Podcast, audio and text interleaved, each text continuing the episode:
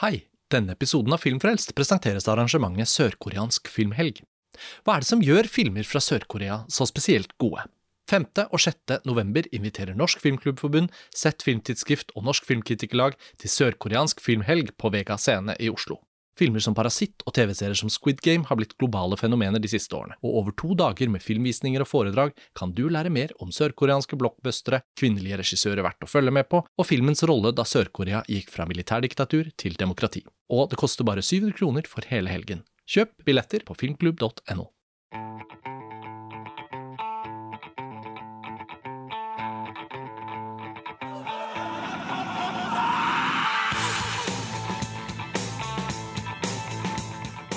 Hei og velkommen til en ny episode av Filmfrelst, podkasten fra filmtidsskriftet montasj.no. Mitt navn er Karsten Meinick, og jeg sitter her i kveld over Skype sammen med Martin Sivertsen. Hei, Martin. Hallo, hallo. Og Erik Fogel. Hei, Erik. Å, hallo. Nå var det ikke så lenge siden sist vi lagde en seriefrelst episode før sommeren om Obi-Wan Kenobi, og som lovet på slutten av den episoden, så er vi nå tilbake for å snakke om den nye Star Wars-serien, Andor. Og jeg fryktet jo ikke at det skulle ta flere år, Erik, men uh, vi snakket jo litt om det i forrige episode at det var grusomt lenge siden sist. Men nå, nå var det ikke så lenge siden. Hvordan, hvordan, har sommeren vært siden sist? Den har vært eh, fin, og jeg vil også med en gang si at eh, høsten har vært eh, veldig fin i forhold til hvis man er glad i å se på serier. Og jeg vil jo også si at eh, det vi er samla for å snakke om i dag, er noe av det bedre som har kommet. Så uh, der har du den med en gang. Ja, god, god stemning inn i, inn i poden. Eh, Martin, gratulerer med dagen som var nå i helgen. Du har akkurat hatt bursdag, du. Tusen takk. Tusen ja. Og hvordan, eh, hvordan, har inngangen i høsten og seriehøsten vært for deg? Det virker som den har vært ganske lik som Erik sin, kanskje. Jeg har sittet jo og glor og ser vel stort sett på de store seriene som de fleste andre ser på. Ja. Og ser, føler at jeg ser altfor lite film, som jeg alltid sier når jeg sitter og syter over hvor lite film jeg ser. Så. Ja, og det var vi jo også innom på slutten av forrige episode, at jeg, jeg prøvde vel å pleade dere til å gå og se noe kinofilm i løpet av sommeren. Jeg vet ikke hva dere endte opp med å gjøre, men vi har blitt enige om å setter hovedfokus da på Andor nå, og, og, så ha litt tid på slutten av episoden til å sjekke innom andre ting vi har sett på. da. Og de fleste av lytterne vet nok hva vi sikter til når vi sikter til store, profilerte serier som har hatt premiere i høst. Så Andor er kanskje ikke til og med den mest profilerte av dem, men det er jo noe med å følge disse live action-seriene fra Star Wars-universet, da, som vi var inne på sist, at det føles litt betydningsfullt. Uh, vi har alle et hjerte for Star Wars, men nå er det jo virkelig ikke noen nye Star Wars-kinofilmer som er varslet på en stund. og og dermed var det Ander som lå der i horisonten etter at vi hadde snakket om Obi-Wan Kenobi. Da. Så jeg tror, Erik, vi kom vel også inn på da at vi hadde ganske høye forventninger. Da hadde kommet noen første smakebiter, og det, og det føltes ut som premisset da, med å lage en serie som følger denne karakteren Cassie Nander, uh, som vi kjenner fra Rogue One, kinofilmen, der han uh, var med å, å stjele Death Star-planene. Og å komme tilbake til han føles som en fin vei inn i å gjøre det de gjør her, som er å på en måte fortelle hvordan opprørsbevegelsen liksom ble stablet på bena i de årene som ledet frem til Rogue One, og ja, selvfølgelig da ledet frem til Star Wars The New Hope, da. Så du sa jo at du allerede har hatt et godt inntrykk av serien, Erik. Vi har sett fire episoder til nå, så vi tenkte å lage denne som en del én. Og at vi returnerer til å snakke om Ander igjen senere i høst, når hele serien er ferdig. da. Den består av tolv episoder. Så hva, hva var det første inntrykket fra første episoden som gjorde at du kjente at du var i trygge hender, Erik?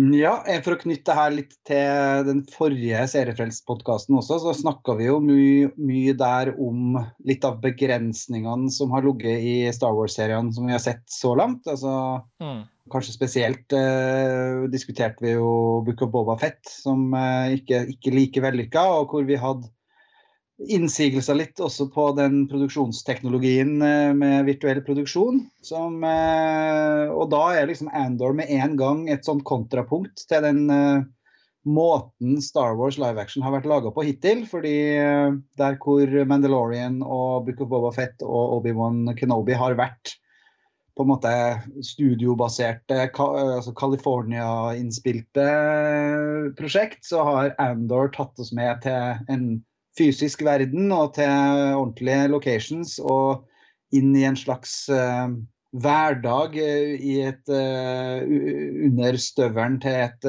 ganske hissig og aggressivt ekspanderende imperium.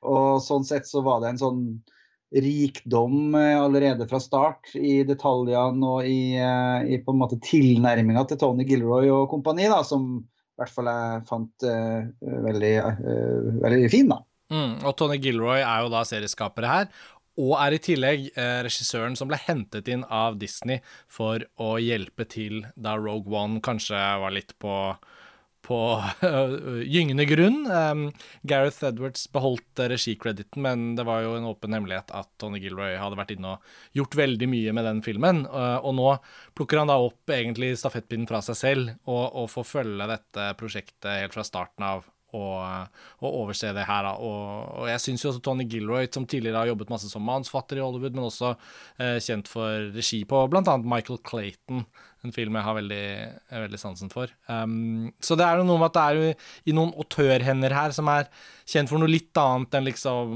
Med all respekt for John Favreau og sånn, da, men liksom Marvel Cinematic Universe og mye av det andre. Så han har liksom virkelig gått gradene hos Disney og gjort Jungelboken, remake og sånne type ting. Mens Tony Gilroy kommer jo inn med et litt sånn annet fortellertemperament, da. Og det syns jeg virkelig man kan merke med en gang. Uh, Martin, jeg vet ikke om du er like positiv som oss to, jeg, men eh, det føltes ut som at uh, Andor nesten med en gang leverte på nettopp det Erik uh, setter fingeren på her. Da. En litt sånn annen tekstur, en annen visuell kvalitet. Ja, ja, den gjør absolutt. Og det føler jo som Altså, det er på en måte det mest spennende som uh, jeg har sett, føler jeg, av Star Wars. I hvert fall siden Mandalorian, om ikke før da. Nettopp fordi det kanskje Andor klarer på en måte å riste av seg veldig mye av de uskrevne, eller kanskje til og med skrevne reglene og, og, og begrensningene kanskje som ligger sånn som Erik sier, som ligger i det vi har sett av, av Star Wars-serier som har uh, kommet, inkludert egentlig Mandalorian, men selvfølgelig Boba Obi-Wan. Og, og, det føles utrolig fresh, da, uh, fordi at uh, det er en serie som kommer og bare sier ja, sånn her kan vi også lage Star Wars. på en måte Det er en slags kjøkkenvaskrealisme i, mm. i sosialrealisme i en galakse langt, langt bort. Det, det fungerer kjempebra, syns jeg. Og, og, det har Det er voksent på en litt annen måte enn Star Wars har vært før. da føler jeg det, det er jo mye nærmere et sånn tradisjonelt eh, TV-drama egentlig enn det er en sånn skal si, en sånn familie, action-eventyr, tegnefilmaktig måte å, å, være Star Wars på. Ja, jeg syns det er bare tøft. Det er tøft gjort, og det er veldig velkomment. Da. Det gjør at jeg blir liksom ordentlig gira, og ikke minst ordentlig spennende på å se den serien utvikle seg. Vi har sett fire episoder nå, og, og det har på en måte vært eh, Det er jo en slags eh, pacing her som er ganske sakte. Det er veldig mye oppbygging, og, og det, gjør, det, gjør, at det blir veldig spennende, rett og slett fordi den tar seg så mye tid med uh, rollegalleriet. og med, Det er så mye dialog, det er så mye um, rom for, uh, for, å bygge forventninger til hva som skal skje videre. Uh, og, og, det er mange, masse ubesvarte spørsmål, og det, det er veldig artig å bare Jeg er oppriktig spent på hvordan det går, og det har jeg ikke vært egentlig i i det her Star Wars Expanded Universe-settinga på, på, veldig veldig lenge. Da. Altså Man merker at de kommer til å selge færre sånne søte actionfigurer og sånn, hvert fall, eh, fra Andor-universet. For foreløpig er det ikke så mye, mye søte roboter. Altså den eneste droiden som liksom eh, er aktivt til stede, sliter de jo først og fremst med at den ikke klarer å gjøre jobben sin ordentlig. Og, og ikke klarer å liksom den, den, er på en måte ganske defekt. Og det er noe med det, da, at de bruker liksom worldbuildingen som er blitt gjort over så mange filmer og etter hvert også TV-serier, så, så, føler jeg de virkelig bruker det her til sin absolutte fordel for å fortelle liksom ett knepp saktere, men også ett knepp grundigere, da. Og, og jeg syns bare hele den første episoden, for eksempel, da, hvor han Ganske raskt så føler vi jo at det er en sånn drivende plot-element her. ikke sant? Cassie Nander. Og de som har sett Rogue One, kjenner jo han på en måte som karakter, så vi trenger kanskje ikke å bli presentert for ham som, som liksom en type, men at han er på jakt etter søsteren sin, han er på den andre planeten, han havner i en, i en sånn quarrel som leder til et dødelig utfall, han er på kant med loven, og det er på en måte veldig raskt sånn at han hele tiden egentlig har dårlig tid, og det burde jo være en sånn actionmotor. Men fordi fortellertempoet her tillater at han da sakte, men sikkert prøver å bygge opp en slags flukt. Da. Jeg må ha noen penger, jeg må snakke med disse folka, jeg må også løse det og det og det. Og så føles det fortsatt ut som det er veldig mye vi ikke får vite om ham. Og samtidig så etablerer de dette lange flashbacket til uh, barndommen hans. Og det syns jeg er veldig sånn modig gjort, hvordan de ikke bare bruker det i én episode, men egentlig holder det gående til og med fjerde episode. da. Det føles ut som at disse fire første er liksom det som ville vært den første filmen, da, hvis dette var typ en trilogi eller noe sånt. Så ja, nei, vi er vel enige da om at mange av disse tingene leder til en liksom bra kvalitet. Jeg tror egentlig det jeg har faktisk vært litt tilnærminga til Tony Gilroy. Ja, han er jo en spillefilmforfatter og regissør i utgangspunktet, og at jeg tror han har tenkt litt sånn uh, biter av Altså at sesongen på tolv episoder er en sånn tre-fire liksom, spillefilmer, sånn egentlig. Mm. Og det er et veldig markant skifte mellom episode tre og episode fire i så måte, fordi du får en slags bue i de første tre episodene som handler om opprinnelsen til Cassian Andor, og med en kjempepayoff i slutten av episode tre på de her flashbackene. Og eh, Det er også interessant hvordan de første tre episodene Du ser ikke imperiet. Du er liksom så langt ute i periferien at mm -hmm. det er et sånt privat sikkerhetsselskap som er på en måte antagonisten og dem som jakter på, på Cassian. Og det er ikke før i episode fire at du ser en Tie Fighter, og der, der måker de jo på. Da drar vi til Coruscant. Da havner vi midt i smørøyet i Star Wars-universet, på en måte. Mm, men, men, men, jeg syns det er et sånt interessant valg eh, å, å, ta, da, og bare holde oss bare holde igjen og holde igjen og holde igjen. Og så er på en måte karakteren til Stellan Skarsgård, som vi også bør snakke om, sånn, den viktige brua ut. Eh, muligheten hans til å komme seg vekk. Mm og det å bli introdusert for hans mangedimensjonerte liv, åpenbart, eh, er jo eh, ja, fascinerende. En annen ting er jo at det er interessant at nå er det 45 år siden den første filmen kom. Og i den filmen så er det jo et premiss at det finnes et opprør, at det finnes uh, en rebellion. Og det at ingen har på en måte utforska på en måte kimen til det før nå, det kjennes også litt sånn underlig. Det har kanskje vært eh, tatt opp i noen sånne bøker eller tegneserier eller et eller annet sånt, men, men det å få det på, holdt på å si på film, men eh, i dette eh, tilfellet som en serie, syns jeg i seg sjøl er ganske kult. Jeg, liksom, jeg er faktisk nysgjerrig på hvordan det her starta. Og mye pga. det galleriet de har satt opp i den første delen av serien nå, da. Jeg syns også det er veldig spennende hvordan det galleriet og de figurene vi følger, det er fabrikkarbeiderne. Det er liksom det, det, har ikke vært nevnt. Det, liksom, det, er ikke noe snakk om The Force eller Jedier eller, eller noe av det som er det liksom den magiske biten av, av Star Wars-universet. er på en måte ikke til stede i den ordentlige serien her. Og, og de, det er ikke prinsesser og, og prinsene og gung-ho actionheltene. actionheltene. Det er rett og slett eh, skulle si, blue collar, småfolket. Og det fungerer overraskende bra, da, egentlig. Eh, det er fortsatt Star Wars, umiskjennelig av en eller annen grunn, så vidt. da.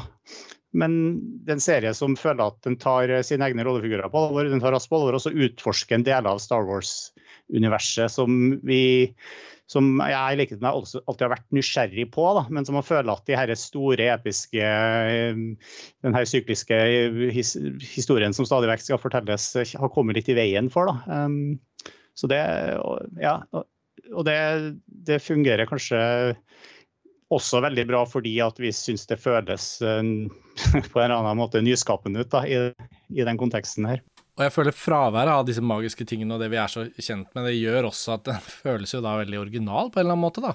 Uh, jeg nevnte jo den droiden i stad, at liksom så, så, fort den ikke gjorde noe nummer ut av seg og ble søt og morsom, så tenkte jeg OK, da, da var det ikke noe med den. Og så, og så er det noe med at også Jeg husker jo hvordan Cassian Ander i Rogue One på mange måter er veldig den samme typen, og veldig sånn røff og, og nedpå, og, og den skjebnen han til slutt eh, lider, den matcher litt med at han er på en måte en veldig sånn han har en sånn tung, mørk bakhistorie, og man kan bare føle at veier over hele han. Og han møter jo på den litt mer magiske delen av galaksen eh, i løpet av eh, eh liksom At han skjønner liksom hvor stort ting er blitt. da. Og det, det å ha det der i bakhånd når vi får denne arbeiderklasse-nesten-skildringen av eh, småfolket da, som utgjør uh, The Rebellion, og uten dem er det kanskje ikke noen til å sørge for at det finnes en økonomi, f.eks. Det er så bra at de kommer inn på sånne type ting, for å kunne gjøre aksjoner, for å ha uh, muligheten til å bygge opp hemmelige baser. Ja, hvor, hvordan skal de gjøre det da, uten ressurser? Og hvordan skal de få tak i, i verdier og, og, utstyr hvis ikke de stjeler og, og napper det fra uh, liksom the overlords? Og det ligger jo der selvfølgelig i Star Wars fra før. Det er jo ikke sånn at vi ikke har tenkt de tankene før, men jeg er helt enig i at det å få se det litt sånn metodisk fortalt, da, og egentlig karakterdrevet fortalt Stellan Skarsgård-karakteren er jo bare sånn Vi er vant med at det skal seile inn en litt sånn mentorfigur i disse fortellingene, og på en måte bare sveipe eh, vår unge hovedperson inn i et eller annet. Men det er ikke lett å gjøre det han gjør for å plukke opp Cassie Nander heller. De tar liksom to episoder for han å liksom klare å få det der til å funke. Og når vi ser han skifte klær der før han går inn i Senatet Og Det er en utrolig kul scene. når han liksom... Fantastisk. Ja, Gets in character. Det føltes både veldig Star Wars og litt sånn Hvorfor har vi aldri sett denne scenen i Star Wars før? Ja, det, Vi må snakke om det. Nå snakker vi om Stellan Skarsgård, ikke sant? Det var så bra. Ja. Som uh, har et hemmelig sånn, skap skap innpå romskipet sitt med en parykk.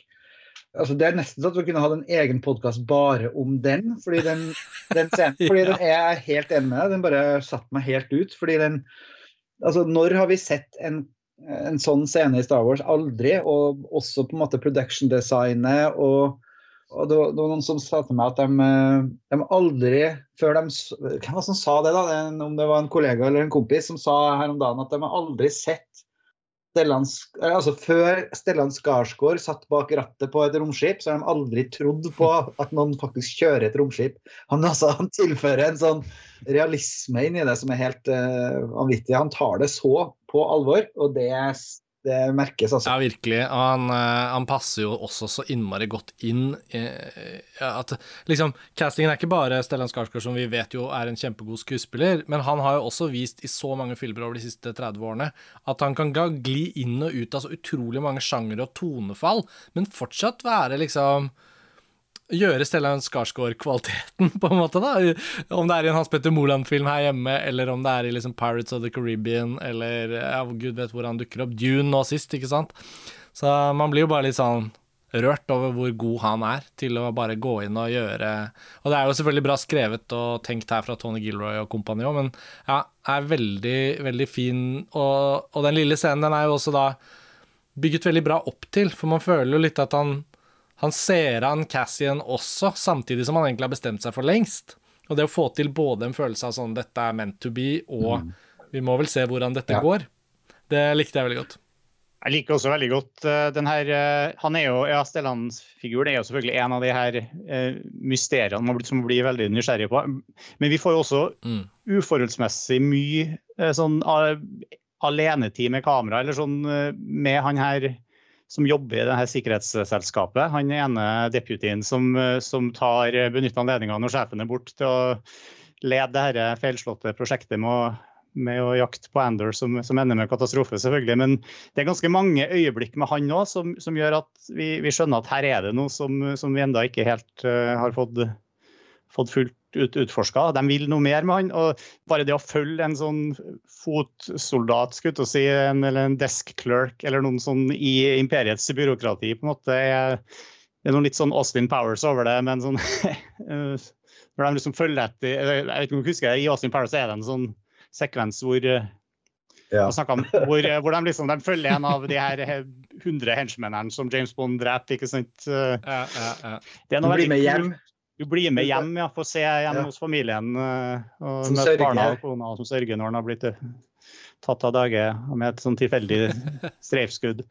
Det er jo litt sånn som, forsov, som ble forsøkt gjort med han Finn, han stormtrooperen som eh, ble veldig sånn avspist, ikke sant. Mm. Jeg syns det er i hvert fall veldig kult, da. Den karakteren og den, altså den delen av intrigen som vi så langt har blitt presentert for, syns jeg er dypt fascinerende. For det er jo en meditasjon over hva er det som gjør så vi får en sånn forståelse for hvorfor folk velger å bli på en måte kollaboratører også, i en sånn okkupasjonssituasjon. Riktignok en sånn corporate situasjon her da, på den planeten eh, Ferrix, mm. som vi blir kjent med. Men den derre Du har ingenting, du har ingen vei ut. Han har sett en vei ut. Han har sett, hvis jeg går inn i det sikkerhetsselskapet og passer på at reglene blir fulgt, så, så, kan jeg kanskje komme meg bort herfra. Og så får vi jo hjerteskjærende etter at alt går til åt skogen. Og, og, og, og, vi forstår at uh, imperiet kommer og tar over, bruk, altså bruker den, den, den uh, skytesekvensen i episode tre som en sånn påskudd i episode fire på å bare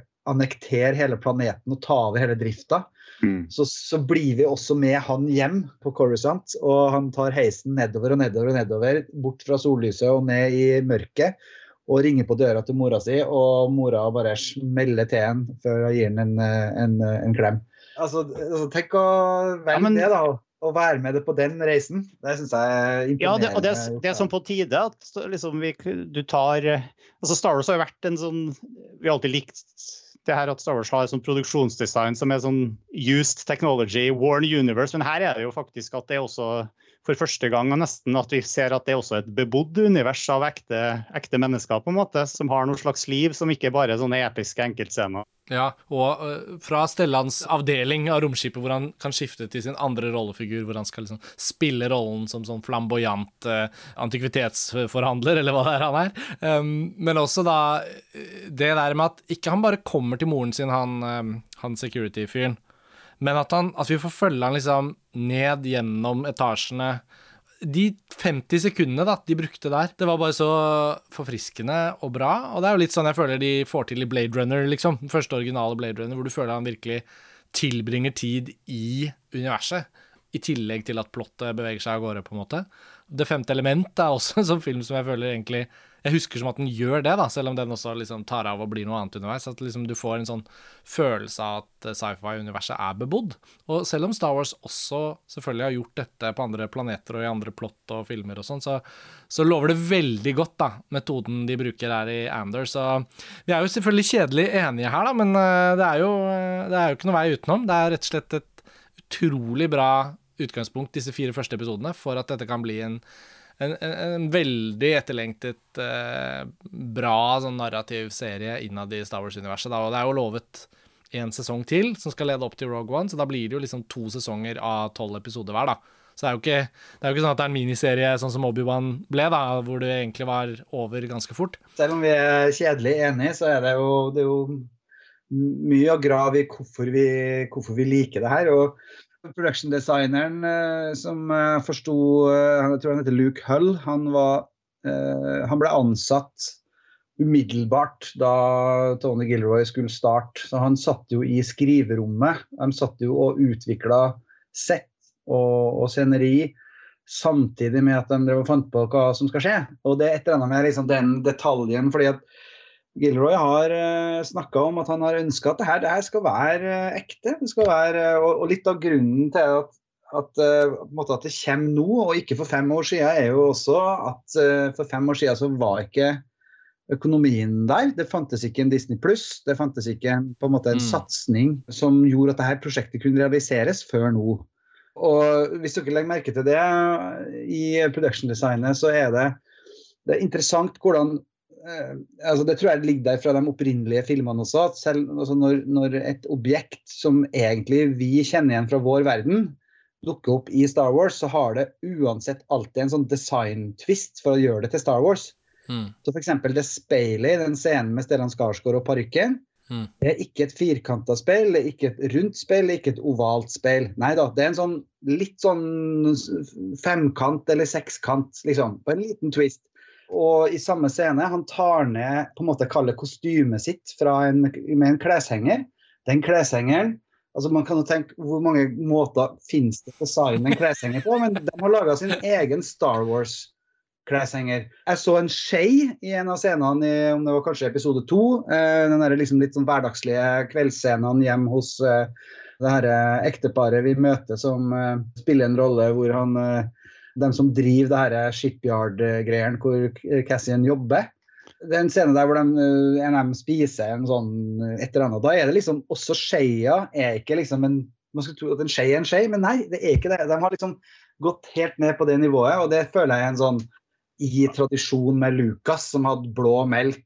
Og, Og så har de noen, eh, noen, noen iPader som ser fryktelig upraktisk ut. Men som også er spesielle. Så har de en sånn tykk delingskloss på midten. Og, ja. Det er jo for at de skal være troverdig i at det foregår noen år før New Hope, hvor datagrafikk er fra 1977, liksom.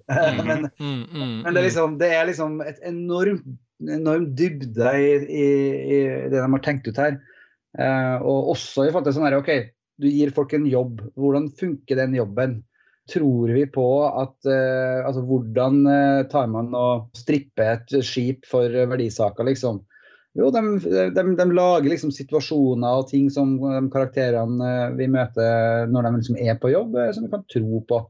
Og når vi kommer til imperiet og vi får møte det Imperial Security Bureau, og vi blir kjent med byråkratiet der i episode fire, så er det liksom Det er en totalt gjenkjennelig arbeidsplass, på en måte, også for oss. med med sånn karrierejaktende liksom litt sånn eh, spisse albuer og krav om rapportering og hvem er det som bestemmer over hvilken sektor. og det er liksom eh, men, men, det foregår i et, i et rom, i en, i, en, i en, scenografi som på en måte fortsatt er veldig Star Wars, som er liksom sånne kline hvite eh, imperiedesign. da. Og ikke minst og, uniformene og klesantrekkene ja. er jo veldig sånn 70-talls eh, Ja, det må, det må, på en måte forholde seg til mm. det må på en måte forholde seg til den første filmen, og også Rogue One, da, som gjorde en veldig god jobb med det samme. Du spurte i stad Karsten, hva som var den første scenen som gjorde at man ble liksom virkelig nå, nå, nå, ble vi hekta eller interessert. Mm. Det var en veldig sånn ned på jorda, hverdagslig eh, scene hvor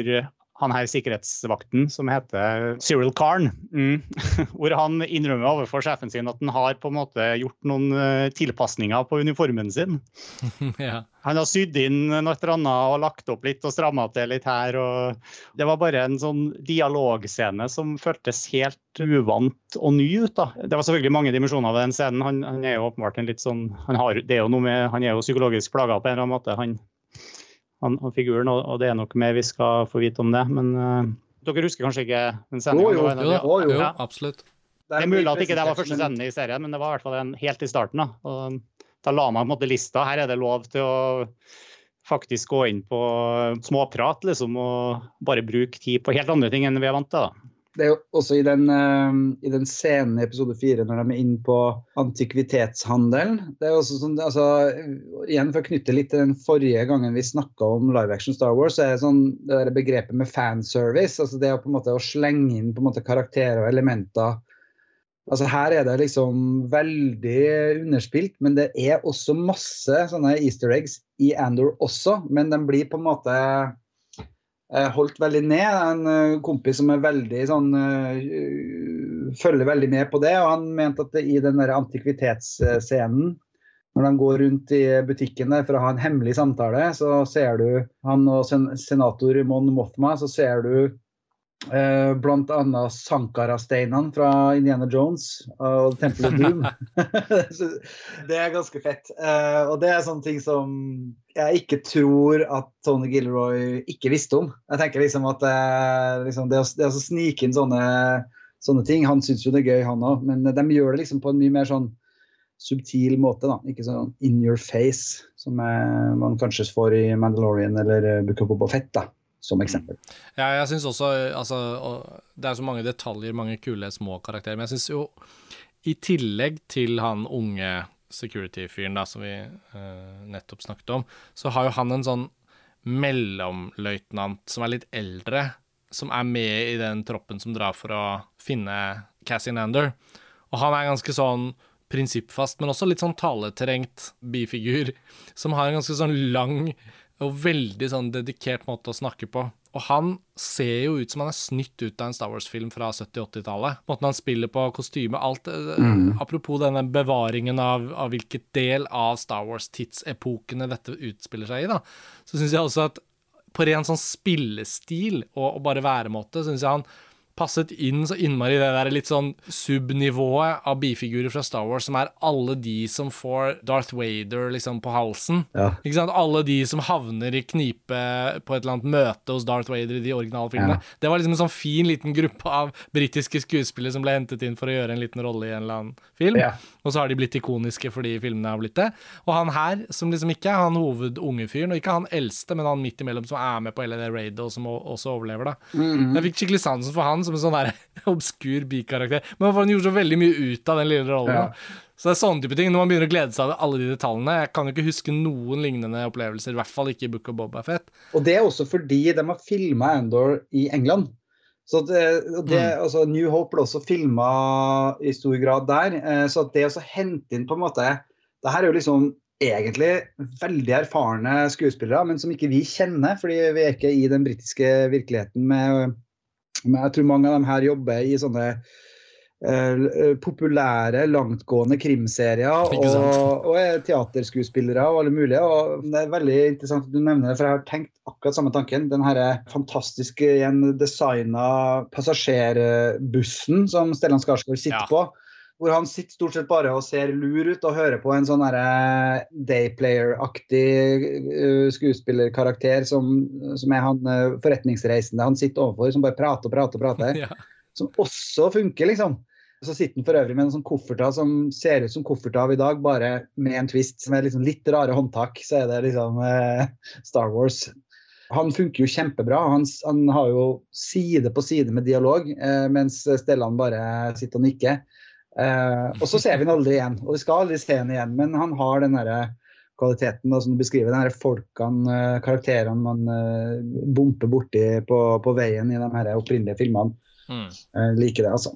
Ja, utrolig bra. Og, og, jeg tror også Jeg regner med at lytterne våre um, som er interessert i Andor, på en måte Det er jo også noe med at Jeg er helt sikker på at mange ser det, selvfølgelig, men på en annen måte så er det også noe litt sånn det er ingen store stjerner, det er ingen store ikoner fra Star Wars, rollefigurer som skal gjenfødes. Alt det der som vi kanskje har klaga litt over at mm. Har vært premisset for de andre fortellingene, er på en måte borte her. da. Cassian Ander var jo også en rollefigur som på en måte ble skapt for Rogue One. Som heller ikke der og da ble kritikerros som den beste Star Wars-filmen. Det er liksom mye ved Ander som kanskje gjør at jeg vet ikke hvor mange som kaster seg over det. Som er som, en ting er alle som er ordentlig interessert, og det er jo oss tre pluss, pluss, ikke sant. Men jeg lurer liksom på av helt sånne i hermetegn vanlige, passe interesserte Jeg vet ikke om du har hatt noen ved siden av deg i sofaen, da, Erik, men her hjemme hos meg så har samboeren min blitt helt sånn Den vil jeg se ferdig. Ja. Og hun har på en måte vært helt uinteressert i Mandalorian og, og de andre greiene. Så jeg kjente litt på at liksom testpublikum-effekten slo inn skikkelig, da. Ja, her er det motsatt. Her har vi sittet i sofaen, jeg uh, jeg og kjæresten min, og sett Mandalorian. Mandalorian. men her ramla hun av det, var, det gikk for sakte. Men, jeg er nysgjerrig på det der. Altså, hvordan kommer dette her til å funke sånn bredt? Men for meg så er det sånn Nå er jeg vel bitte litt eldre enn deg også. Martin er ja. sånn midten av 70-tallet-folk. Jeg vil si Han er kanskje ja. litt yngre. OK, greit, jeg er eldst her. Eh, la oss bare si det som det er.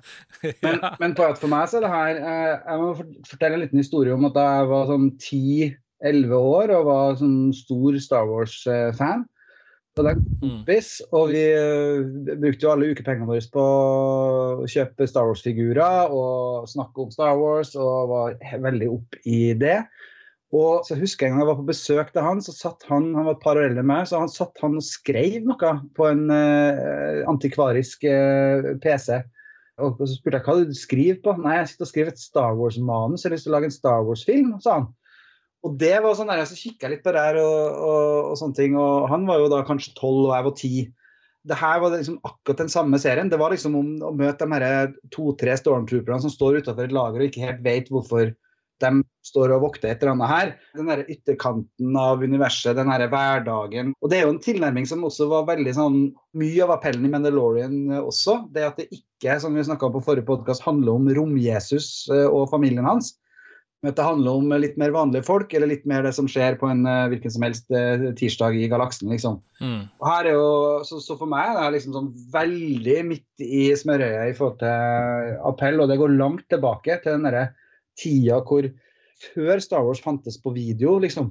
Før NRK hadde sendt det for første gang, da, da, måte, da du fikk uh, gå på kino og se Return of the Jedi, som var den første jeg så på kino, tror jeg. Eller jeg, eh, jeg driver egentlig og debatterer med meg sjøl fortsatt om jeg så, jeg så også Empire Strikes Back på bygdekino.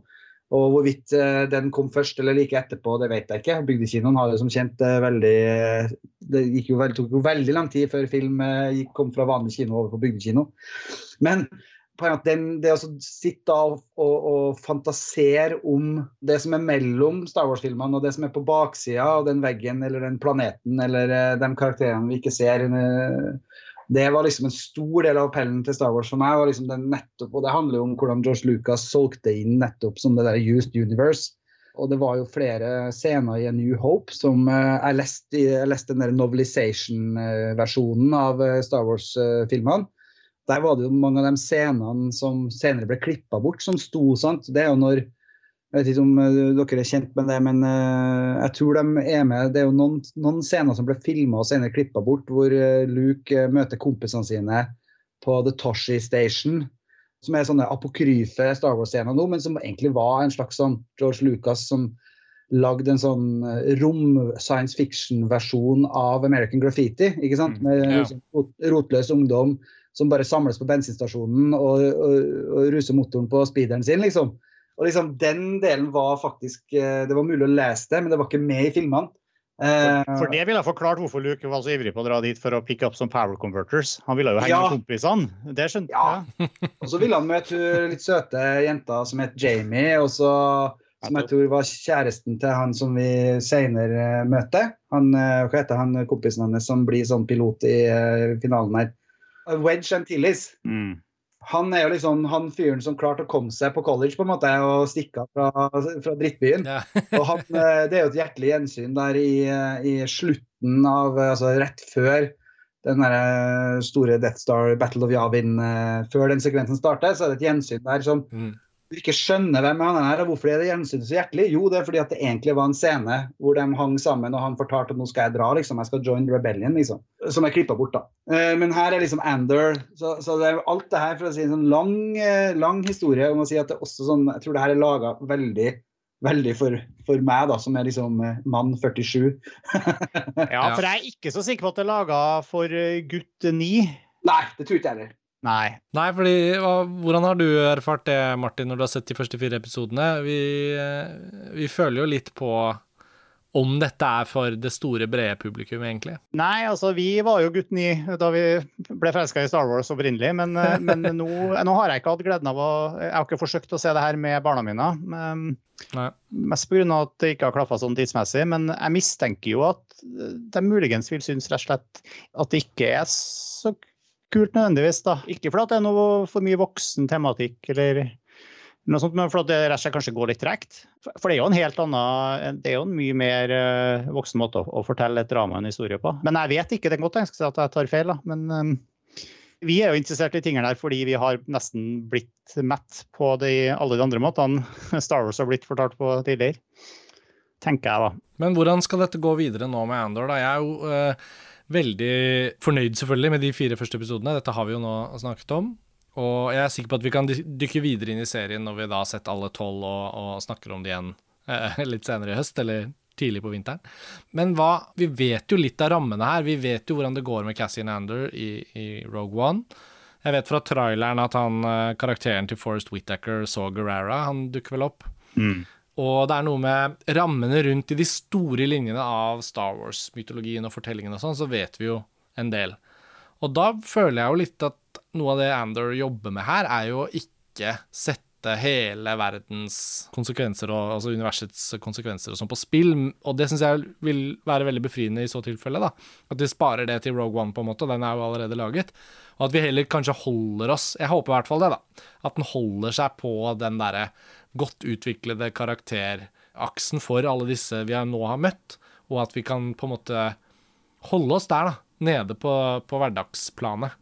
Eh, også når den blir veldig dramatisk, da. Dette heistet som de nå har planlegger, det, det virker jo å være en, en stor operasjon for dem, men det er fortsatt i Star Wars-verden en liten ubetydelig hendelse, antageligvis. De har bygd et veldig solid grunnfjell da, av karakterer vi nå har blitt kjent med. Og vi vet liksom litt hva At Cassian er jo Han er jo ikke en uh, veldig, verken veldig sånn pålitelig eller eh, rettskaffen type, han. Han, eh, han er allerede ganske sånn prega av eh, av en sånn marginalisert eh, eksistens.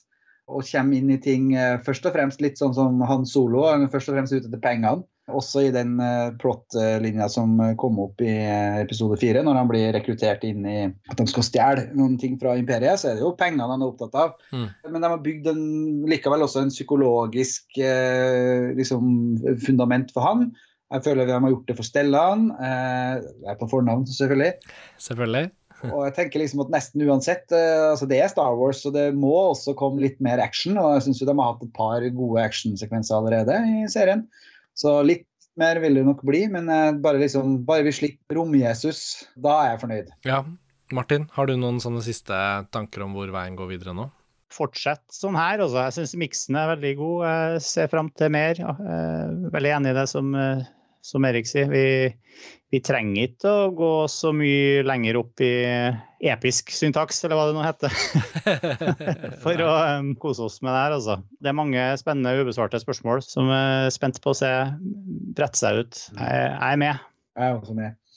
Kan jeg komme med en sånn, med en sånn faktasjekk-korrigering her? For at eh, jeg, jeg, jeg, sa feil i stad. Min Star Wars-law er rusten.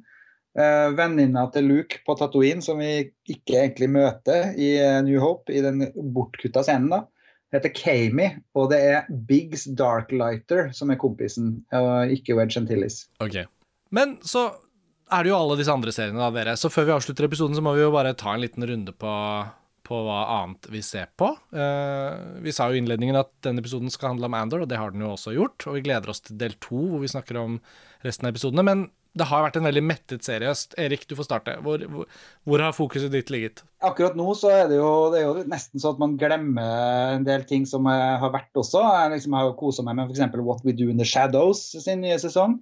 Humorserie som ligger på HBO Max. Om en gjeng vampyrer som bor i kollektiv. Uh, den, eh, den, ble jo ferdig for en par uker siden når vi spiller inn det her. Ellers så er det jo Uka mi er jo veldig sånn grei. Mandag er det House of the Dragon, onsdag er det Ander, og fredag er det Maktens ringer, eh, Rings of Power, eh, Ringenes herre. Så jeg svever i sånn fantasy sci-fi-land. Eh, og det Uh, akkurat også sett uh, første episoden av The Old Man på Disney Pluss, som er Jeff Bridges som uh, hardbarka eks-CIA-pensjonist. Uh, som Ja, jeg skal nok se mer på den, men den er ganske streit. Ja, men det er jo, altså, det er jo litt av en ukesoppdeling, da, og i forhold til prestisje og vekt på disse seriene. Man skulle jo kanskje tenke når man hører på podkasten at Game of Thrones og Lord of the Rings burde være i, i hovedfokus, men jeg mm, kan jo avsløre så mye som at det er jo selvfølgelig til hensikt å gå litt dypere inn i noen av disse tingene underveis. Uh, I forhold til Lord of the Rings uh, Rings of Power Jeg vet ikke, Maktens ringer er jo litt lettere og kortere. Jeg skal prøve å bruke den, Erik. Men vi har allerede snakket om dette i redaksjonen i montasje, at vi kommer til å se den serien helt ferdig før vi gjør noe på den, og da blir det nok en ganske grundig gjennomgang. De fleste av oss som er med i montasje, har et veldig nært forhold til i hvert fall de tre første filmene, uh, Hobbiten-filmene, har vi jo kritisert litt mer uh, da de kom, husker jeg, på podkasten. Men, uh, men 'Ringenes herre'-trilogien står jo veldig nært mange av oss, og dermed er jo denne serien noe vi har gått i møte både med litt sånn frykt og forventninger. Og vi kunne jo selvfølgelig gått inn i den, Erik, men jeg tenker det, kom, det kommer til å bli satt opp til en mye lengre og grundigere prat om den etter hvert. Jeg har foreløpig faktisk bare sett første episode. Men Martin, følger du samme rytme, eller? Ja, jeg sitter jo også og ser på de her eh, store fantasy-seriene. Men jeg, må jo, jeg er veldig glad for å si at eh, det, det er av de Altså mellom eh, ringe, hva heter Ringenes Maktens ringer ja, og den nye Drageserien og, og Anders, så er det Anders som jeg koser meg mest med. Som jeg synes er Som jeg på en måte er mest spent på videre. Da. Det er jo ikke det at jeg ikke, setter, ikke har det gøy med de, de store fantasy-seriene, men det er jo en slags følelse av å, av å ha, ha sett det før, på en måte. Ja, altså, men House of the Dragon den må jeg jo innrømme at jeg koser meg veldig med. Der har jeg fulgt hver episode hver mandag, ja. som deg, Erik.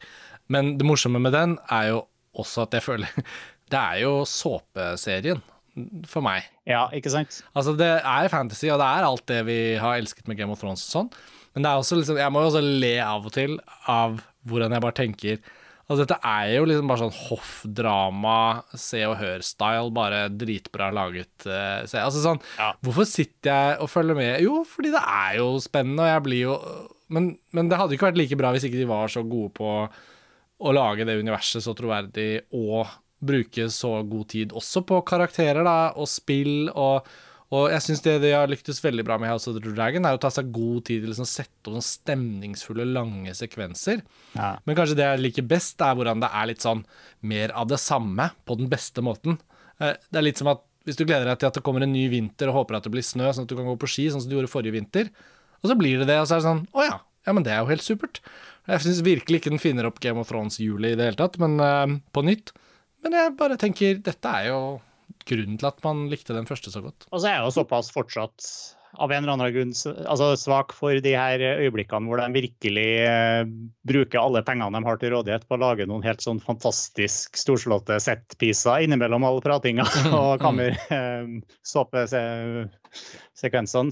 Så for det er noen helt veldig big screen eh, øyeblikk da, i begge de, de fantasy-seriene som jeg syns er veldig kult. Absolutt. Erik, jeg må spørre siden du er filmprodusent. Jeg, synes, jeg blir jo sånn rørt over hvor frekke de er i House of the Dragon. At liksom, I løpet av en episode så er det 37 minutter skuespillere som bare sitter yes. i ferdig danderte rom, yes. som de sikkert har resirkulert fra forrige sesong. Og så er det ni minutter eller ti minutter med sånn insane påkostet opplegg. Ja. Så sitter man jo litt sånn med haken i gulvet etterpå, så tenker jeg Men det var også veldig mye at de bare satt der i kjoler og korsetter og prata. Det var det.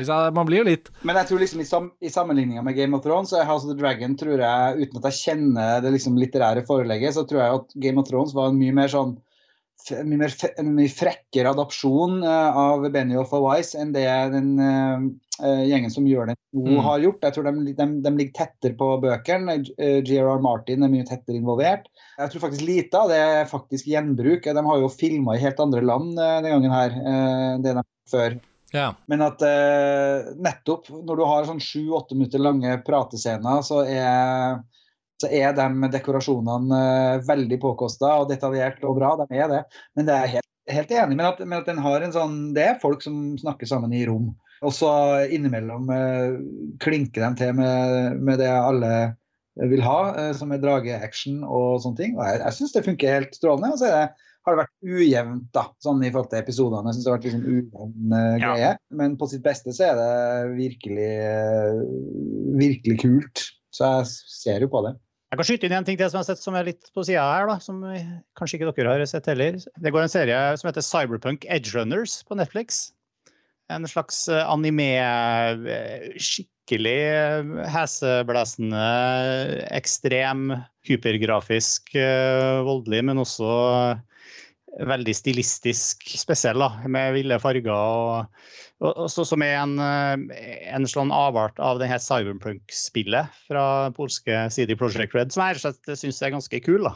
Det har ikke noe sånn veldig mye å si om den serien utover at hvis du er overhodet interessert i den her uh, i Cyberpunk, så er det verdt å sjekke ut den, den serien på Netflix, for den har, den har, noe med seg, altså. Kult. Det er litt sånn bokmerkevennlig anbefaling, merker jeg. fordi at uh, jeg, jeg, noterer meg jo at det kommer jo ting på Netflix da, det slippes jo ting der som man bare ikke får med seg. De promoterer det jo ikke. Hvordan skal man få det inn i, på radaren, da? Da må man jo få det anbefalt litt sånn som du gjør nå. Um, er det en første sesong, Martin, eller det, det er ikke noe etablert, bortsett fra det spillet? Det er ti episoder, korte relativt. Jeg husker ikke om det er en halvtime eller 20 minutter. hva det er. Um, så det er jo på mange måter en slags markedsføringskampanje for dataspillet, vil jeg anta. Men, men det, er, det, er, det har verdi som et selvstendig eh, verk, altså. Og har en eh, ja, såpass stilfullt stilfullt og, og fresht gjort da, at det, mm. det er verdt det. Hvis man er i det hele tatt nysgjerrig, så er det sannsynligvis ikke bortkasta tida. Da. Kult. Jeg kan jo slenge på et par animasjonsanbefalinger til. da. Altså Solar Opposites har kommet med en ny sesong i høst. Det er en veldig, uh, veldig drøy og morsom uh, sci-fi-komedie som er laga av én av Rick and Morty-skaperne. Uh, den ligger på Disney pluss. Den syns jeg er veldig fornøyelig. Og så er det Star Trek Lower Decks som ligger på Amazon. Som er en slags Ja, det har jeg sett. du har sett det, ja? Og det er sånn som er ja, nei, det, Nå kommer en ny sesong av det òg. Eh, og de, begge dem er sånn ganske lettbeint og fin å ha. For jeg ser jo også f.eks. på Handmaid's Tale som har kommet tilbake, og det er så tungt at uh, da er det liksom alltid fint å ha en liten sånn der palette cleanser. Jeg vet ikke hva det norske ordet er, men uh, det å se en liten Lower Decks uh, eller Solar Opposites etterpå, det er en fin ting. Ja, gøy. Altså, jeg vet ikke om jeg nevnte det forrige gang, men bare for å avslutte med noe Star Wars-relatert, da, så så har jeg litt sånn i det stille jobbet meg gjennom den dokumentarserien på Disney Plus om Industrial Light and Magic. Ja, den er kjempekul! Kom vi inn på det sist? Nei, vi gjorde ikke det. Ja, den er så bra. Den er kjempebra. Ja, den er helt utrolig bra, faktisk. Fordi den er jo filmhistorie. Ja, altså virkelig filmhistorie. Så jeg tenker alle som er interessert i i å vite litt mer om hvordan noen av våre mest eh, ja, høyt elskede filmer har blitt laget og sånn, så er det jo eh, no-brainer. Men, men, at det er så mye Apropos karakter da, og historiefortelling og sånn, den er virkelig godt laget. Um, Disney Pluss er jo en strømmetjeneste jeg tror veldig mange har nå, uh, og, og, dermed er jo Light and Magic en opplagt uh, ting å bokmerke og, og, bruke. Og den er jo ikke liksom narrativ på den måten at du må liksom se det sånn slavisk. Det er bare liksom man kan gå innom og, og, se seg gjennom, og det er sånn jeg har gjort det, i hvert fall helt siden i, i sommer. Ja, det er virkelig fint. Det gir noen fine perspektiver på hvordan George Lucas ikke bare var et enkelt geni, men at han var omgitt av veldig mange også som vi kanskje ikke har hørt så mye om. Og det er gøy å se hvordan Joe Johnston, eksempel, som jo har blitt regissør, starter opp eh, der. og mm, og så følge alle disse typene. da, Mange av dem har jo dukket opp i bonusmateriale på forskjellige DVD-er og Blu-rays opp gjennom årene. Ja, akkurat det jeg skulle si, for alt det her bonusmaterialet, det er vi som ikke kjøper sånne fysisk formatting, vi får jo ikke de servert lenger. Nei, nei, nei. nei. Så denne, altså jeg bare oppfordrer alle som er litt ekstra interessert og nysgjerrig, da, som ikke har sett den ennå, de burde virkelig gå inn og se den dokumentaren i tror det var det seks deler, da? Ja. Eller husker jeg feil? Ja. Tror det. Så det føles som et sted å avslutte, da, siden vi har startet med Star Wars og Andor. Eh, at eh, jeg har sett den, i hvert fall. Men jeg har faktisk ikke så mange andre serier jeg ser på enn eh, House of the Dragon og Andor. Og så kommer det jo etter hvert utover høsten en del norske serier og sånn som jeg er nysgjerrig på. Så mm, når vi tar neste seriefrelste episode, så, så, får vi håpe at det fortsatt er 2022, og at vi klarer å samle oss etter at Andor er ferdig. Og da kan vi jo kanskje ta en runde på slutten sånn som nå. Det er alltid gøy å, å se om det er noe nytt man har begynt på, eller, eller, fått avsluttet noen av de seriene som vi har vært innom, da. Absolutt. Men da tror jeg kanskje vi må, må oppsummere og avslutte. Martin, Erik, takk for praten. Takk for praten. Kjempegøy. Gøy. Vi høres igjen om ikke så altfor lenge. Ha det. Ha det bra.